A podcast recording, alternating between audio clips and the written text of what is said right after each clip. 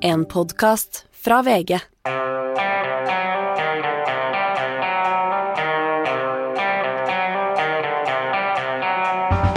Ikke visste jeg at alle disse dagene som kom og gikk, var selve uke åtte. I år en veldig trist og mørk uke eh, med, med krigshandlinger på, i, i, Ukraina som preger oss alle. Det er en ganske tung tid vi lever i. Men vi skal prøve å eh, lighte det litt opp i dag, da. Vi har med oss eh, Sanna Saroma fra Lillehammer her i studio. Og vi skal prate litt om hennes karriere som kronikør i VG. Men først fotograf Harald Henden fra, fra Kiev. Og Harald, vi snakka sammen i går. og det var en veldig dramatisk dag, og det er ikke noe særlig mindre dramatisk det vi ser fra Kiev nå. Hvordan eh, har eh, natta vært? Natten var uh, relativt rolig. Her på hotellet så gikk alarmen rundt klokken tre i natt.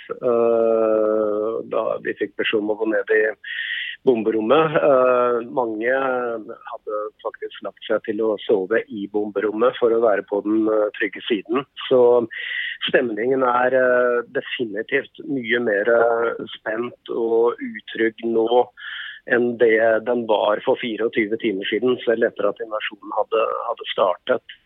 Uh, og for uh, fem minutter siden så hørte vi fire eksplosjoner uh, relativt nær. Nærere enn det vi har, det vi har hørt tidligere. Og det meldes også at fortropper skal være bare noen kilometer unna regjeringskvartalet. Og det har også vært meldt om skyting ved regjeringskvartalet, uten at eh, det er eh, lett å verifisere akkurat. Hvor langt unna ligger eh, hotellet dere bor på i forhold til regjeringskvartalet?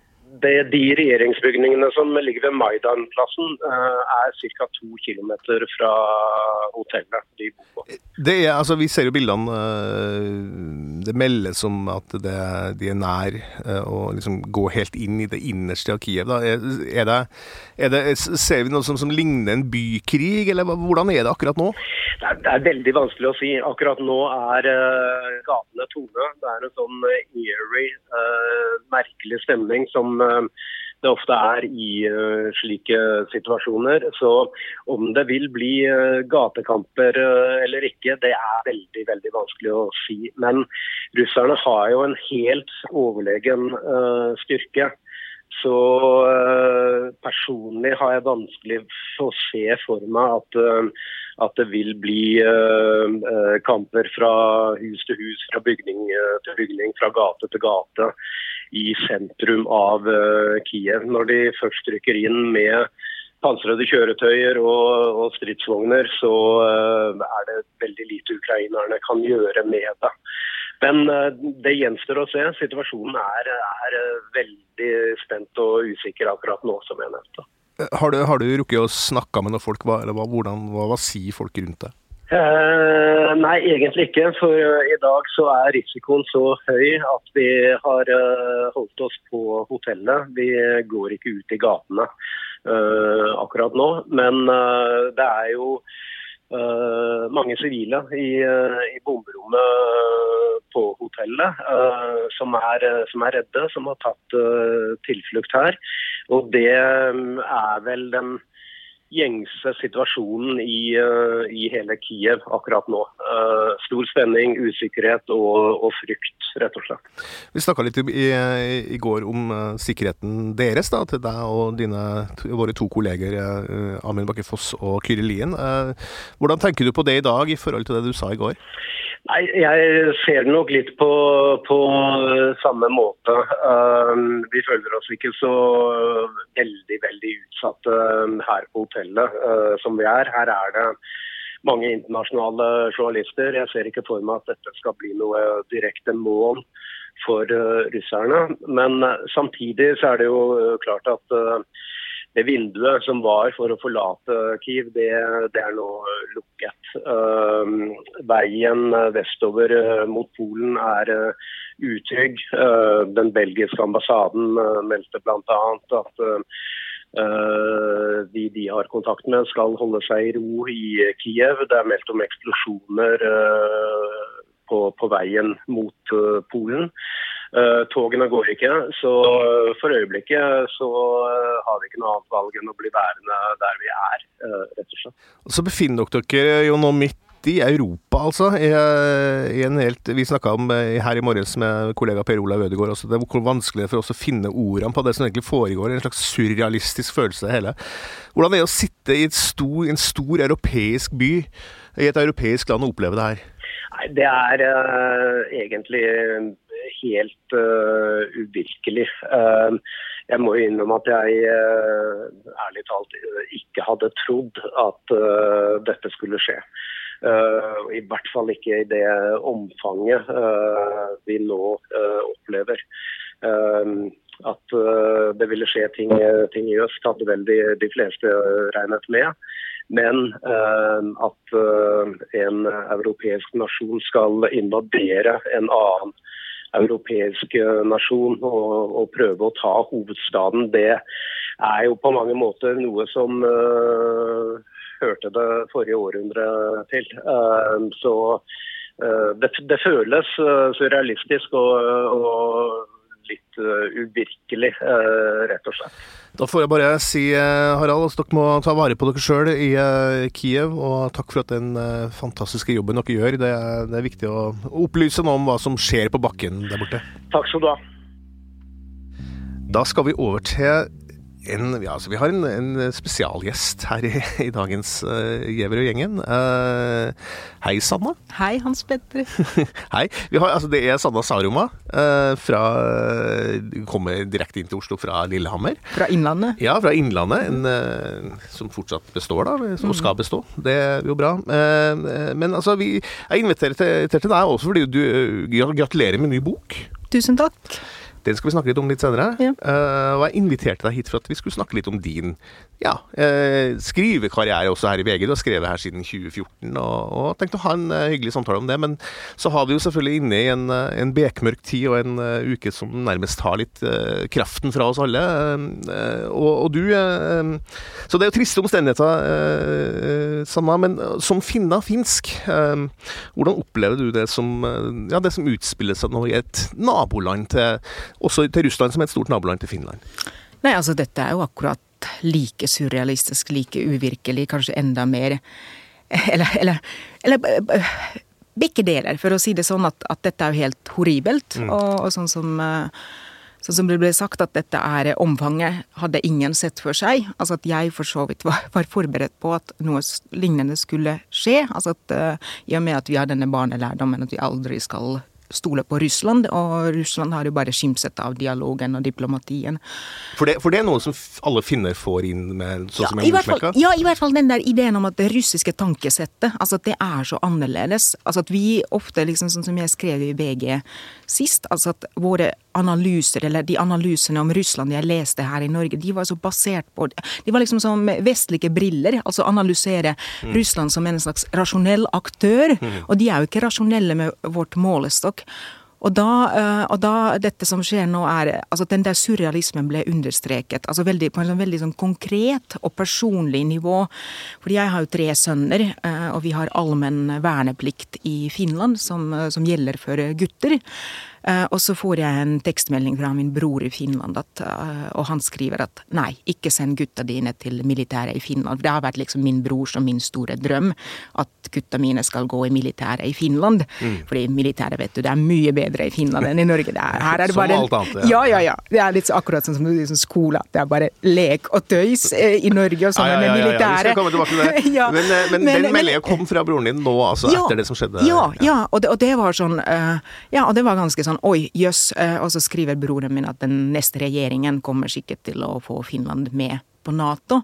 Eh, og så mener broren min at, eh, at det vil framprovosere Eller det vil provosere Russland, og Russland vil komme med store styrker på, på den grensen hvor Finland og Russland har kriget før. Mm. Og det er dype, dype sår i det finske samfunnet over det som har skjedd i, i fortida, vinterkrigen, og at man tapte områder til Russland. Ja, ja, og, og, hele den krigserfaringen. Det sitter jo i, i minnet. Altså det er både jeg og min bror, altså vi har jo besteforeldre som har uh, kjempet i den krigen, og besteforeldre som har funnet hverandre i den krigen. altså at Vi hadde jo ikke eksistert uten den krigen. Så det er jo, det er jo bare noen få generasjoner siden. Og så tenker jeg at de, den arven, altså også den, liksom den emosjonelle, psykiske arven altså Det er f.eks. mye mer vold i nære relasjoner i Finland. Og jeg mm. tenker at det er jo fordi 100 mm. 000 menn døde på fronten, og de som kom hjem, de kom jo dypt, dypt skadet. Traumatisert, ja. Ja, og da var det jo ikke noen, det var ikke noen psykologressurser. altså Det var liksom vodka man fant. Ja, og i, i, gjennom den kalde krigen også, så var jo Finland det, Man jo snakk om finlandisation. Man, mm. man, hadde jo et veldig nært forhold til Russland. ja, Nærmest påtvunget, vil jeg nesten ja, si. Ja, altså dette var jo at man måtte Finlandisering kommer jo av at, at man, man måtte ta hensyn til at man hadde en stor og mektig nabo. Og da utøvde man eh, også selvsensur i kraft av det. Er det, er det sånn fortsatt, eller? Nei, altså jeg kan øh, på en måte For meg er dette en veldig fjern fortid. Uh, altså at jeg kan ikke Altså at jeg er jo liksom begynte å gå på skole på 80-tallet, og Eh, og da, altså da, kom jo Gorbatsjov og glasnost og perestrojka. Man kunne også snakke i, i, i Sovjet også om, de, eh, om, det som ikke var bra. Eh, så det er mer sånn generasjonen før meg. Eh, sånn som jeg husker min far var jo en stor Kekkonen-fan. Altså Kekkonen var den finske presidenten i 25 år. Legendarisk president, ja. Ja, og ja. veldig preget av den her eh, altså at uh, milde linjen, eller, eller, liksom den gode tonen med Russland. Uh, men samtidig, altså motstanderne av Kekkonen mener jo at han var tvers gjennom finlandisert. Uh, din sønn er oppkalt etter en finsk uh... Infanterigeneral. Ja, ja, min mellomste sønn heter ja. Adolf. Ja, Og Adolf Ernroth? Ja, han var en stor helt i, i, krigen som levde nesten til han var 100 år.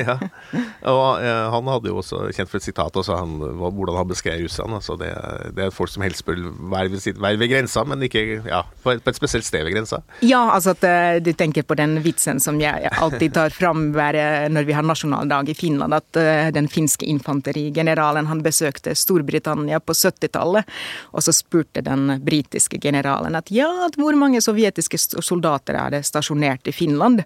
Og så svarte han at ja, noen hundre tusen i to meters dybde langs den russiske eller den sovjetiske grensen. Veldig finsk svar. Veldig sånn lakonisk. Eh, ja. ja, ja.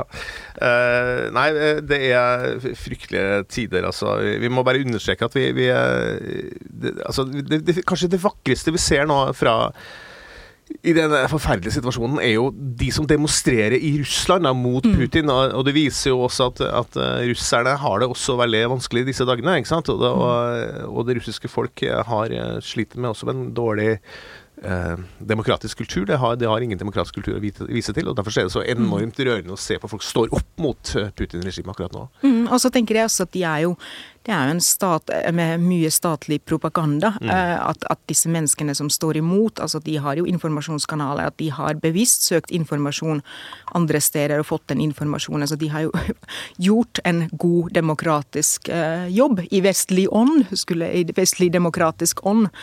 Og det er jo godt å se at det finnes motkrefter, at det ikke er helt, helt Nord-Korea. Vi får se hvordan det går der borte. Jeg er må innrømme jeg, jeg, liker å se på meg selv som en optimistisk person, men akkurat nå så kjenner jeg på en dysterhet som jeg nesten aldri har kjent på i mitt voksne liv.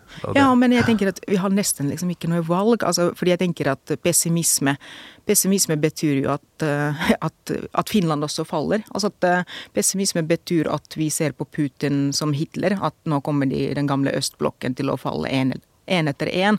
Og da blir, kommer Finland til å falle i det samme dragsuget. Og det er på en måte horrorscenarioet her. Men la oss håpe at, eh, at Vesten, Nato, klarer å stoppe det før det går så langt. Eller at det skjer noe internt i ja.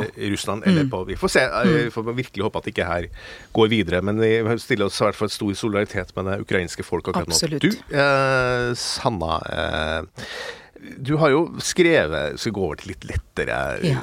tema og litt mer sånn uh, hyggelig prat, da. Fordi ja. Eh, du har jo vært i VG siden 2014, fant jeg ut. Første gangen du skrev Januar 2014. Ja. ja. Og det var morsomt, fordi det var en, det var en en sak som du skrev, altså som eh, du spurte om nakne nordmenn, finnes de? Altså, Mm. jeg, Vi er veldig blyge og sjenerte i Norge. Var det var det du tenkte på den gangen? At vi var redd for å være vise oss frem i Guds prakt? Ja, vet du, det var, eh, det var en sånn um, Jeg husker jeg hadde Da hadde jeg små barn, eller det har jeg for så vidt nå igjen, men da hadde jeg veldig mange små barn, altså abonnerte på Foreldre og barn. Og der var det en sånn spesialartikkel. Man hadde liksom intervjuet eksperter.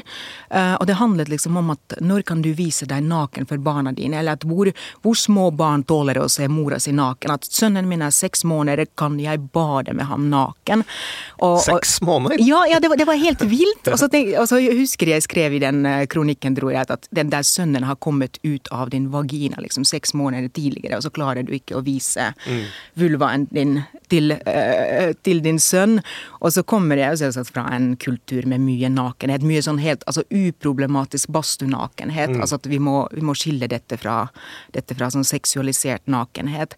Så jeg syntes den der artikkelen i Foreldre og barn, fordi jeg mener, at, mener å huske at det var det jeg harselerte med, at, at det var så amerikansk Ja. i norsk kontekst. Ja. Og så begynte jeg samtidig Ja, det var da jeg begynte som vannsumbainstruktør, Altså kanskje året før. Altså at jeg hadde jo sånne mange ukenlige vannsumbatimer på et eh, på et badeanlegg, og, og så så jeg jo litt folkets dusjevaner. Altså at nordmenn, i hvert fall i Innlandet, turte ikke å dusje naken. Altså at de følte kanskje at de hadde noe å skjule. Kan jeg også si at Den kronikken var jo da, eh, hadde jo et, et bilde av deg i saunaen da. Ja, ja, men det, man så ingenting. Nei, altså, det var, det var veldig, veldig veldig snilt Ja. Mm. Eh, men det var i badstuen min hjemme. ja. Du, du har badstue hjemme, ja? Mm. ja, ja. Hvorfor er badstue så utrolig viktig for, for finner, egentlig? Du har sikkert sittet i badstue og følt den Ah, jeg- godfølelsen. ah, Jeg syns ikke det er så godt. Det, tar, det er gått en stund, og så blir det veldig veldig sånn uh, Klamt? Ja. Ja, men det kaster du vann og ja, ja. Du får, får damp og sånn, ja. Ja, Yes. Nei, da er du nok, da er du nok ikke finsk. da har du ikke skjønt Nei, det. fordi, fordi alle finner har, har badstue, gjør de ikke det? Ja, ja, og så- alle liksom blokker og alle liksom I de, alle de, de siste 30 årene så har man bare bygd leiligheter. Altså Jeg husker da jeg var barn og bodde i en sånn i en blogg, så var det liksom borettslagets badstue. Jeg husker min familie, vi hadde badstue. Vår tur til å gå på badstue på fredag var det klokka halv sju til halv åtte. Eh, og da var det liksom vår fredagsbadstue, men, eh, men de siste 20-30 årene så har alle leiligheter fått sin egen, nye leiligheter får sin egen badstue, privat badstue. Vi hadde jo så på, I Norge vet du, på 80-tallet skulle alle ha badstue og sånn. Ja. Men det ble ikke noe særlig suksess, fordi folk eh, orka ikke å ta badstue. Så det, det, nå er alle de gamle badstuene, de husene som vi bygde på 80-tallet, er- brukes til, opp, til bare oppbevaring. Ja, det kasser og lagerrom, ja. lagerrom. Tørkestativ der. Ja, ja. Mm. Men så har du fått en ny badstuekultur i Norge ved at folk, eh, særlig her i Oslo, men også andre steder, Mm. ba, eh, har badstue nede ved, ved fjorden, og så hopper du ut og bader på vinteren. Mm, og da er, det, Ja. da er det ekstremt godt med badstue, altså med den store temperaturforskjellen. at Hvis Ja. man først bader i isete vann Også. Men det her er litt sånn hipstergreie, vet du, i Norge. Sånn storbygreie. Sånn skal liksom yeah. ut og bade på Ja, vinteren. det- det er Men i Finland. I Finland så er den innsydd i folkesjela. Ja, dette er vanlige folk, altså. De bader barst. ja. Du, eh, eh, du skriver, har jo skrevet her da, siden 2014, og eh, mangel på rettskriving, det er, du, det er du i hvert fall opptatt av. Ja. Ja, Mm. det- Der er jeg influenser, rett og slett. Ja, der, der er du jo eh, nesten eh, patologisk. Altså, du, du, du, klarer, du klarer ikke å lese en avis uten å Nei, slå ikke ned på før jeg har liksom rettet feilene. Har alltid hvor, jobb. hvor kommer jobb. det derfra, for, altså, det der med opptatthet av, av riktig språk?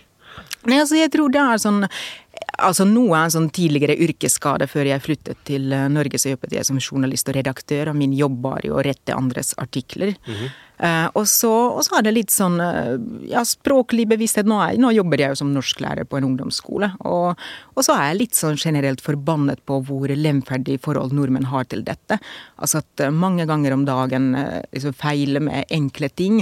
Og, så, og litt den holdning at er det så farlig, liksom? Og så Ja. tenker jeg at det er jo ditt varemerke at vil du framstå som en gjøk, eller vil du framstå som en utdannet og dannet person som kan å skrive?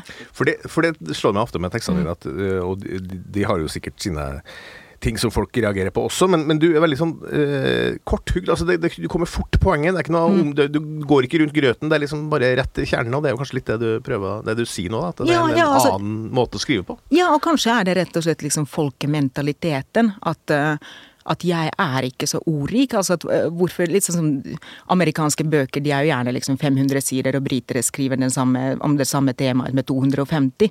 Og, og kanskje sånn kan man sammenligne nordmenn og finner også. Fordi nordmenn er veldig sånn altså man, Nordmenn tar veldig mange forbehold og er veldig forsiktige, sånn at ingen blir støtt.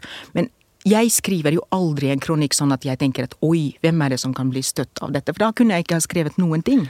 Men er det ikke av og til du tenker at ja, det er ikke noe gøy hvis jeg sårer noen der, eller? Ja, men jeg tenker at det er jo deres ansvar som blir såret. Altså, det er jo ikke mitt ansvar. Det er jo Ansvaret ligger jo fullstendig hos mottakerapparatet. Altså, det er jo et valg. Mm. Velger jeg å bli såret, eller velger jeg å liksom ta dette innover meg? Men noen kan du faktisk rent faktisk bli såra og synes det er leit også, kan ikke det? Altså, det er... kan, kan, helt sikkert, ja. men uh, skal jeg bry meg om det? Altså uten uh, altså, du, skjønner du hva jeg prøver å si? Altså at uh, Så lenge som jeg ikke går, altså skriver at Hans Petter Sjøli er dum, ja, da, da ble jeg veldig lei meg. ja, men det gjør jeg aldri. jeg tenkte da, da eh, jeg som debattansvarlig her i VG da, eh, rekrutterte deg som skribent, skribent da, så, så, så, var et av det jeg, jeg oppdaga med en gang Du var veldig ublyg da, og selvutleverende, men med masse sånn det, det er en det er en, en slags sånn mørk humor der, som, som, som, folk kanskje ikke får helt med seg også. Altså det, det, det, du, du, du, overdriver alltid lite grann, ikke sant? Er, er en, føler du at du ofte blir misforstått litt? At du, at du, du føler sintere ut enn du kanskje egentlig er? Kanskje det er litt sånn artopasien, det er den finske fandenivoldskheten uh, som man Men det er jo Altså, jeg kjenner jo ikke nordmenn, jeg kjenner jo ikke Eller altså, jeg kan jo Jeg vet jo aldri hvordan min kronikk blir mottatt. Altså, min, hvis jeg ser på den skjulte innboksen på Facebook hvor det kommer liksom veldig mange sånne tilbakemeldinger fra folk jeg ikke kjenner, så føler jeg at det er liksom to ytterkanter. Eh, enten er det de som vil sende meg tilbake til Finland, og så er det de som genierklærer meg. Og, og det virker å være liksom den typiske mottakelsen, men, eh, men jeg ja. Nei, det er altså, rart at mange nordmenn er så vant til å gå midt på veien og litt forsiktig sånn, mm. men når vi går på Facebook og skal sende ja, tilbakemeldinger, da er det enten det ene eller det ja, andre. Nettopp. Ja. ja, og det kan jo hende at, at uh, den jevne leseren syns at dette er kjempefint, eller at dette er kjempe, i hvert fall kjempegreit. At vi får bare de Eller at jeg får bare, og kanskje du får også noen tilbake. Du får sikkert masse tilbakemeldinger om at hvorfor du gir spalteplass til denne finnen som burde vært i Finland. Ja, altså, og hvor, Det er ikke så veldig mye, men det er jeg legger jo merke til det, og mm. får du ofte det tilbakemeldinga der? At du peller deg igjen til Finland og sånn? Får mm. du den ofte? Ja, ja, ja. ja. ja det, er, altså, det er litt avhengig av hva slags kronikk jeg har skrevet, men hvis jeg kritiserer nordmenn eller påpeker noen sånne sære egenheter ved nordmenn, så kommer det jo veldig fort den der at at, at, hva gjør du her når du kritiserer oss? At da kan du bare dra til Finland. Du kom helt frivillig. Du kan dra helt frivillig. Så det er veldig, veldig typisk. Ja. Og apropos det, mm. for i morgen så kommer det en ny Sandnes-kronikk ja, med litt kritikk mot nordmenn igjen. litt kritikk, der står det nemlig. Du har i inn, uh, inngangen på den saken, og så mm. skriver du at uh, nordmenn er tåkedotter og persilleblad. Uh, ja, og hva, hva, betyr det? Hva, hva, legger du i det? Nei, altså det er jo akkurat dette at, eh, altså at jeg som er direkte og rett fram, altså at jeg blir jo sett på som noen slags krigshisser. Altså, eh, og nordmenn, de veldig ofte er det motsatte, i hvert fall her på Østlandet. Altså at man, man pakker ting inn, altså det er så mange lag at du må nesten liksom sånn uh, Deschiffere hele greia? Ja, ja, for å skjønne at ja, hva, hva, hva var det egentlig betydde? Og så persilleblad er jo litt dette at altså nordmenn er dårlige til å gi kritikk og, og, ta imot kritikk. Altså at alt må pakkes inn. og så når man mottar da kritikk, så blir nordmenn ofte personlig fornærmet, krenket. Mm. Altså på skolen, i arbeidslivet. ja. Samtidig også at, at nordmenn, i, i, særlig sånn i, når man sitter overfor hverandre, eller mm. møtes i andre sammenhenger, altså den konfliktskyheten også. Ja, ja. Mm, det er jo konfliktskyhet det er stikkordet i den kronikken og min oppfatning av nordmenn. Og så litt sånn jeg som jeg, som da er rett fram og direkte, eh, så, jeg, så, jeg, har litt sånn følelse at jeg blir oppfattet at henne er det mye bråk med, eh, bare fordi jeg ikke liksom, Jeg har ikke den evnen til å Eller jeg prøver jo, altså at jeg er blitt mye norskere med årene, altså mange år i norsk arbeidsliv. Altså man må jo på en måte Man må jo bli rundere, så jeg er blitt rund i en firkant, jeg òg. Ja, du, du, mener det? Altså, at du, du, du har blitt avslepen, du òg? Ja, ja, ja. ja, ja, ja. Altså at, uh, det har litt med alderen å gjøre. Sånn. Man blir jo litt sånn med åra også litt mer ja, raus, blir man ikke det? Ja, ja raus, det er nesten sånn, et sånt uh, adjektiv som jeg har lyst til å spy av. Det er så moteriktig å være raus. Uh, men jo men, Nå mente jeg det bare i, i positiv forstand. Ja, ja. Man, man, man, hever seg litt over de små sånne Ja, ja, ja, for all del. Altså at ja, man, man, bryr seg ikke om, om, småtterier. Ja, helt sikkert er det alderen, men det er også at, at jeg blir også påvirket av denne kulturen. At jeg merker jo at bare jeg drar til Finland, så så føler jeg at jeg, jeg er nesten litt sånn Ja, altså at eh, jeg er mye vennligere enn hva jeg egentlig trenger å være i den finske konteksten. Og mye høfligere. Så, der, så når du er hjemme i Finland, så er du Da, er Da du føler jeg meg norsk. litt sånn norsk, ja. ja. Men du, altså, apropos skolen, du, du jobber jo som lektor. Mm. Hvorfor er norsk skole så dårlig? Sammenligna med den fantastiske skolen i Finland? Og det, det skal eh, bli mitt neste bokprosjekt som jeg har fått penger til. Jeg har fått penger til en eh, bok som heter 'Norske skoletabuer'. Alle skal med, men ingen skal langt. Og da skal jeg gå grundig til verks og undersøke hva som er, hva som er galt. Men, så så den, det er ganske mye som jeg kan ramse opp her, så jeg vet ikke om, om, du, om vi har all den tiden. Men jeg kan jo nevne én ting som, eh, som, som jeg syns er eh, problematisk. Eh, Altså at um, eksempel barneskolene i Norge. Altså dette er bare en, en liten ting. altså bare et sånt, litt, Nesten sånn tilfeldig, dette er ikke tilfeldig, men et, et eksempel som jeg tenkte på da jeg intervjuet for min neste bok en dame i går. Uh, og, og hun hadde en sønn på barneskolen. Og, og barneskole er jo slik at der er det ingen prøver, det er ingen eksamener. altså Det er ingenting som sørger for eh, framdrift. Og, eh, også jeg som jobber på ungdomsskolen, så føler jeg at ungdomsskoler de mottar jo alt mulig rart fra barneskolen. Fordi barneskolen trenger ikke å gå god for sin egen undervisning og sitt eget opplegg på noe tidspunkt. Altså de på en måte bare sender eh, folk videre opp på systemet. Og det er egentlig det samme gjentar seg på ungdomsskolen. Ok, vi har litt prøver, og vi har, vi har Ja, nå har vi ikke eksamener engang, men neste år skal vi endelig ha eksamen. Gudskjelov, da har jeg tiendeklassinger, så da skal det liksom drilles. Men eh, Nei, altså at eh, Fordi folk eh, Altså, elever trenger ikke å Det vi i Finland kaller, kan man si, doble en klasse. Altså du går om igjen den samme klassen hvis du ikke har Gå om igjen, sa de. ja, ja hvis, du ikke, mm, hvis du ikke har oppnådd de læringsmålene. Eller sånn som hun dama som jeg snakket med i går, at hun hadde ikke fått Hun hadde en adoptert sønn, og hun hadde ikke- fått utsatt skolestart for denne sønnen. Altså at man har en sånn idé at alle kan gå på samme klassetrinn uansett. Altså den der Det er jo noe fint med det, er det ikke det? Altså Det er slags fellesskapsbyggende, vi, vi gjør det samme alle sammen. bare fordi vi tilfeldigvis er født samme året. Selv om den ene er på tredjeklassenivå, den andre er på tredjeklasse videregående nivå. Jeg bare stiller spørsmål. Altså. Ja, og jeg blir sint på deg! Merka det. Ja. Ja, Uh, du, uh, hva er det beste med Norge? Nei, altså at jeg eh, Det er jo noe godt med den Ja, den um, høfligheten, den vennligheten. Eh, og ja, altså det er litt uh, sammenlignet med Finland, at, når jeg drar til Finland sikkert neste gang i påskeferie igjen, du blir jo dratt litt ned eh, av at, at det er ingen som smiler, det er ingen bruker navnet ditt, og ingen sier hei engang. uh, så, så på tilsvarende måte så blir man litt dratt opp i Norge av hyggelige folk. Eh, i, i, dag var det i dag tidlig da jeg eh, skulle gå til toget, og disse her søppel, søppelmennene som eh, skulle tømme søppelboksene utenfor eh, huset mitt.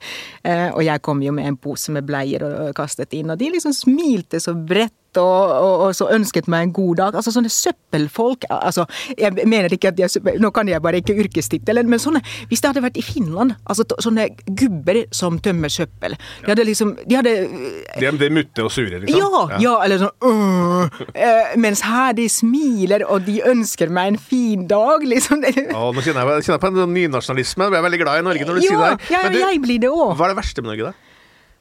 Åh, det, det må være den her, eh, vet du det, og spesielt, Dette er spesielt Innlandet, kanskje ikke så verst i Oslo, men den der, altså nesten den der skepsisen mot kunnskap, og folk som har kunnskap.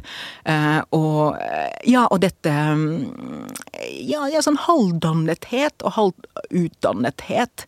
Det er det verste. Og det er jo som skrivefeil er et utslag av. At man nesten litt skimser av. Altså at jeg blir definert som gal når jeg er opptatt av skrivefeil, mens jeg tenker at alle de som gjør skrivefeil, det er heller de som er gale, eller dumme.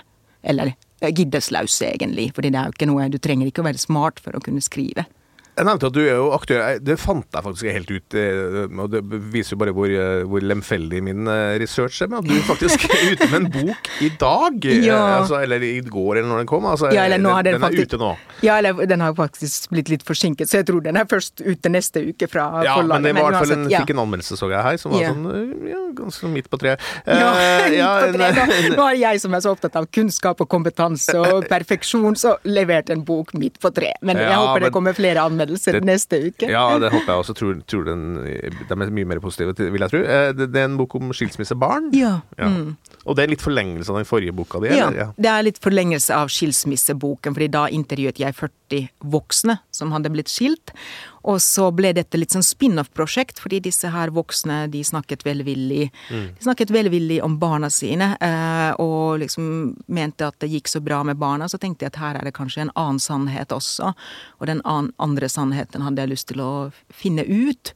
Og da har jeg intervjuet 40 skilsmissebarn, og så ti barn som mener selv at de burde vært skilsmissebarn, og et skilsmissebarnebarn, og så noen eksperter, og, og kokt sammen en bok. Det var liksom mammapermisjonsprosjektet mitt. Dette er min siste dag på foreldrepermisjon, så etter vinterferien neste uke så er jeg tilbake i full jobb som lærer. Veldig, veldig bra. Jeg gleder meg til å følge din, eh, ditt forfatterskap. fordi du, er begynner, du begynner jo å bli en, en sakprosaforfatter nå. og Du, det har du tenkt å holde på med fremover? Ja, ja, altså det er i hvert fall en sånn fin balanse, fordi jeg er veldig, altså, jeg er veldig introvert, så jeg blir veldig sliten i skoleverket. Altså det er fordi du gir og gir og gir og snakker hele dagen lang. Så jeg, jeg tror liksom drømmen min er å være halvt lærer og halvt forfatter. Og så når det gjelder å være sakproseforfatter, så er det jo litt takket være deg. Altså at eh, måte, du ga meg den spalteplassen i VG, og jeg fikk tillit til at jeg kan skrive på et annet språk. Altså jeg kan skrive på et språk som ikke er mitt morsmål. Uh, For jeg hadde alltid tenkt at For jeg, jeg selvsagt siden jeg var barn, så jeg drømte om å bli forfatter. Og så tenkte jeg da, da jeg flyttet til Norge og liksom ble her, at oi, jeg kan aldri bli forfatter på norsk. Men jaggu kunne jeg det. Og jeg tror det er liksom takket være deg og VG som i mange år liksom ga meg den muligheten. Og kanskje rettet du litt mine syntaktiske feil. Du gjorde jo det. Du gjør det kanskje fortsatt litt. eh. Ja, men nå er, nå er du blitt så flink at nå er, nå er det ikke så mye å rette lenger. Nei, så bra. Uh, ja, uh, Men noen ganger sensurerer du meg når Ja, jeg er litt for hard, så tar. Så liksom, du endrer på ordvalg. Du Nei, gjør det litt norskere. Ja, ja, ja. ja. Nei, jeg, jeg, blir, jeg blir litt skremt av og til, vet du. Fordi jeg jeg er jo oppvok, født og oppvokst og oppbred i, i det landet her, og da må man jo, blir man jo litt forsiktig av seg. Sammenligna med dere tøffe, hardkorna eh, Hva heter det? Hardkokte, Ja, det. eh, hardkokte finner, da. finner, ja. Du, eh, jeg vil bare eh, si takk for at du kom hit. Takk for at du tok veien fra Innlandet, fra Lillehammer, med tog inn til Oslo. Nå Ja. skal jeg og du ut og spise lunsj, faktisk. Ja, det gleder jeg meg Og så oppfordrer alle til å Ja, du må sjekke ut den nye boka til Sanna Saruma, og eh, les morgendagens kronikk i VG. Eh, og eh, hvis dere blir litt provosert av den, så ikke, ikke send melding om at Sanna må tilbake til Finland. Da, fordi det er så utrolig fint at vi har en, en stemme som deg her i Norge, syns jeg. Tusen takk, det er hyggelig å høre. Og med det så runder vi av den her eh, ellers ja, tunge, mørke uka. De som har vært med i dag, er altså Harald Henden, vår eh, dyktige og, og, og veldig erfarne fotograf som sitter i et hotell borte i eh, krigsramma Kiev. Og her i studio, vår finske kronikør og skribent Sanna Sarma. Mitt navn er Hans Petter Sjøli. Produsent er som alltid Magne Antonsen, og han skriver aldri feil. Det er aldri noe gærent i, i, i de notatene vi får fra Magne. Vi er tilbake igjen til uka. Vi høres da. God helg. Du har hørt en podkast fra VG. Ansvarlig redaktør, Gard Steiro.